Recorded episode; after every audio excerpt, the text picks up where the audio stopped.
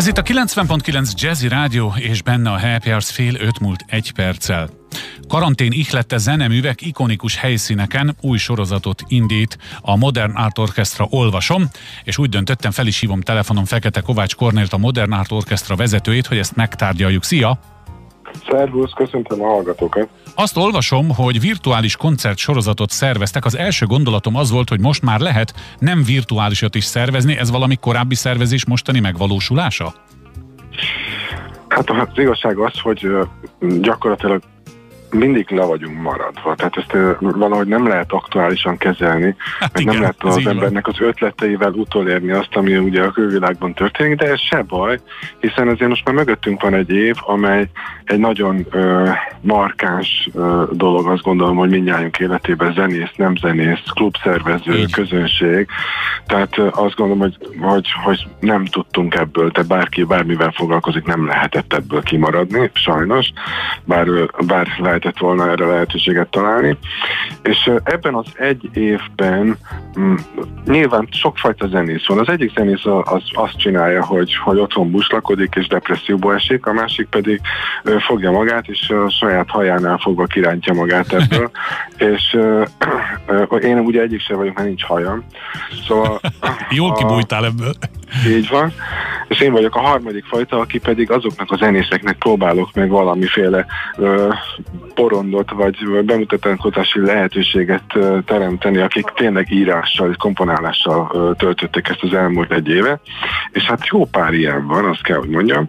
A másik dolog pedig, ami számomra egy, egy nagyon fontos dolog volt, hogy hogy vajon azok a játszóhelyek, ahol mi rendszeresen játszottunk a karantén előtt, azok most mit csinálnak, és hogyan tudnak túlélni.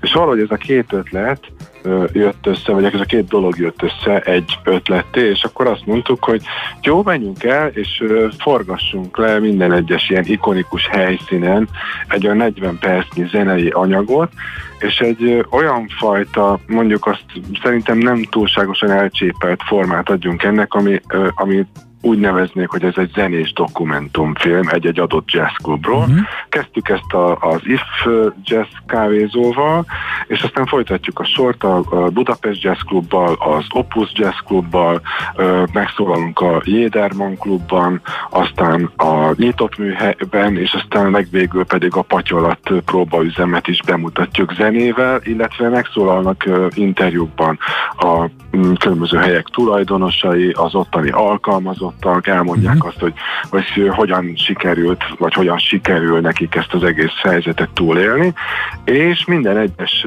repertoár, ami műsorra tűzünk, az legalább egy olyan darabot tartalmaz, amely az elmúlt egy évben született. Aha, tehát ez az a karantén ihlette zeneművek, ez azt jelenti, hogy akik karantén alatt komponáltak, azoknak műveit elviszitek ezekre az ikonikus helyszínekre. Nagyon Így jó. van, pontosan. Uh-huh és azt mondja, hogy hányat is mondtál? Egy, kettő, három, hat. négy, öt, hat, hatot, igen. Milyen rendszerességgel, vagy hogyan és hol lehet majd megtekinteni ezeket? Ezek az adások a zenekarunknak a YouTube csatornáján egy élő műsor keretén belül lesznek majd bemutatás, kerülnek majd bemutatásra, és ez minden hónap negyedik kedjén, azaz május hónapban most 25-én, azaz a elkövetkező kedden az egyik ikonikus klubunk, a Budapest Jazz Club mutatkozik majd be. És milyen érzés volt azokra a helyekre menni, ahol eddig tömeges rendezvényetek volt, és most pedig, most pedig üresen áll és üresen kong. Röviden össze tudod foglalni, hogy általában mit mondtak a klub tulajdonosok, bírnák még, vagy már utolsó tartalékaikat élték fel? Hát általában az utolsó a fokrémes tubus végénél tart mindenki. De nagyon érdekes volt, hogy például ebben a sorozatban el tudtunk jutni olyan helyekre is, ahova egyébként, hogyha közönség is van, akkor egyáltalán nem ilyen például ugye az IF kávézó, ahova egy 19 tagú zenekar csak közönség hát nélkül tudott beférni. Úgyhogy ez is egy érdekes tanulsága volt. És egyébként meg fantasztikusak ezek a helyek, és nagyon jó akusztikai viszonyok mellett fantasztikus minőségű felvételeket is tudtunk készíteni, és ezek ugye most képpel és hanggal egyaránt megörökítésre kerültek, szóval nagy örömmel ajánlom ezeket mindenkinek. Én csak azt tudom elmondani a végére, hogy ha a Modern Art Orchestra Facebook oldalát megtekintik, a kedves hallgatóink ott megtalálják ezt a Highlights Budapest 2021-es rendezvényt, amelyen természetesen részt lehet venni ingyenesen, és ezeket a koncerteket meg lehet tekinteni, akivel pedig beszélgettünk, ha a hangja ismerős a rádióban, mert szoktunk rendszeresen beszélni, Fekete Kovács Kornél a Modern Art Orchestra vezetője, akivel, akinek azért azt tudom mondani, remélem, hogy mi hamarabb gyorsan tudtok alkalmazkodni és visszatérni a fizikai koncertek világába, mert most már ebbe az irányba megyünk. Igen, én is ezt érzem a bőrömön, én már szombaton közönség előtt fogok játszani, ugyan még jó. nem Magyarországon, hanem Ausztriában, uh-huh. de nagyon-nagyon várom, hogy emberek nézzenek velem szemben egy lencse.